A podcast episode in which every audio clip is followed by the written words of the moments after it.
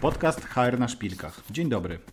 Nazywam się Wojciech Chromik. Projektuję profesjonalne procesy rekrutacji i dzięki odpowiednio dobranym narzędziom buduję zgrane zespoły pracowników. Zapraszam Cię do wysłuchania podcastu Przychodzi HR do zarządu. Odcinek 12. Tajniki wywiadu rekrutacyjnego. Czy wiesz, że aż 75% kandydatów nie przyjęłoby oferty pracy, gdyby zostali źle potraktowani w czasie rozmowy kwalifikacyjnej? W ramach cyklu Przychodzi HR do zarządu przedstawiamy case studies z życia firm, inspirujemy do śledzenia trendów w obszarze HR i wskazujemy narzędzia do wspierania organizacji w pokonywaniu trudności związanych z kapitałem ludzkim. Dziś o tym, jak brak profesjonalnej struktury wywiadu rekrutacyjnego oraz przedkładanie życiowej intuicji nad systemowe badanie kompetencji w procesie pozyskiwania kandydatów prowadzić mogą do utraty ciężko zdobywanych kandydatów, ogromnych kosztów rekrutacji oraz narażania pracodawcy na konsekwencje związane z łamaniem przepisów RODO. W firmie X uruchomiono produkcję nowego produktu. Plan zarządu zakładał znaczące zwiększenie wolumenu sprzedaży poprzez zdobycie nowych klientów. Zaplanowano akcję marketingową i sprzedażową. W związku z tym postanowiono poszerzyć grono sprzedawców. W dziale sprzedaży funkcjonowały już trzy zespoły. Każdy z nich prowadził inny kierownik.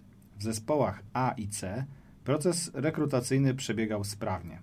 W przeciągu półtora miesiąca udało się przeprowadzić selekcję i wyłonić po dwie osoby, którym złożono oferty pracy.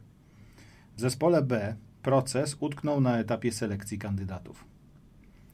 Procedura rekrutacyjna ku zadowoleniu działu HR przebiegała tak, że dział HR pozyskiwał kandydatów spełniających ustalone wcześniej kryteria pod względem kompetencji, doświadczenia i dostępności, przekazywał je bezpośrednio kierownikom komórek sprzedaży. Ponadto rola HR obejmowała komunikację z kandydatem. Rolę hiring managera pełnili samodzielnie kierownicy, którzy prowadzili spotkania z kandydatami, dokonywali oni ostatecznej selekcji i składali ofertę zatrudnienia kandydatowi.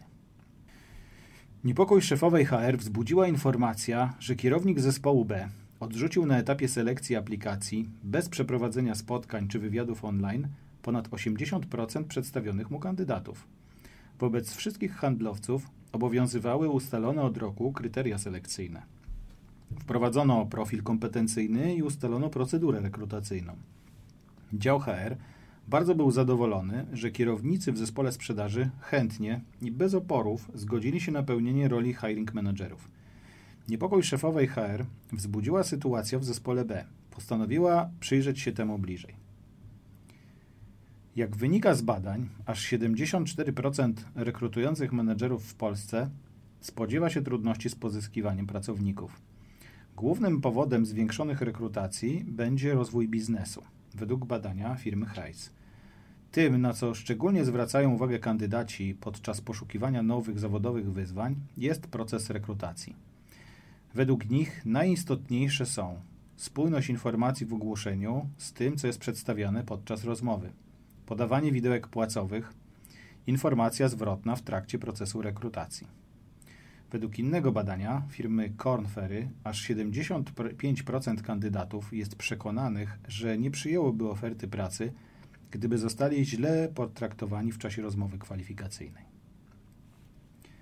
W wyniku spotkania z szefem zespołu B oraz rozmów z kilkoma pracownikami, którzy to potwierdzili, okazało się, że panowały tam osobliwe praktyki w zakresie oceny kandydatów.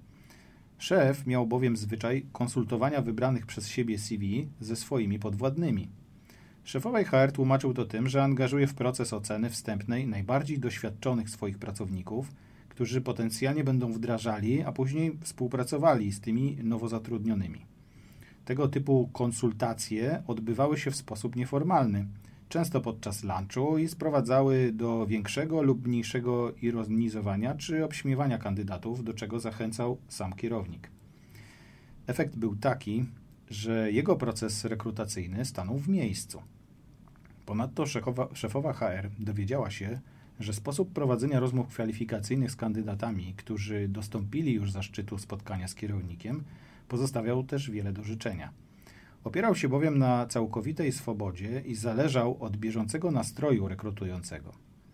Kierownik zespołu B nie posługiwał się żadną formalną strukturą pytań czy zagadnień, które poruszał z kandydatami, bazując na własnym doświadczeniu, intuicji i wyczuciu ludzi handlu, które, o czym był przekonany, jeszcze nigdy go nie zawiodły. Paradoksalnie, zespół B był bardzo zgrany i wspierał się wzajemnie, realizując z powodzeniem wyznaczone cele. Menedżer był osobą otwartą, wesołą i przekonaną mocno o swoim nieodpartym uroku osobistym.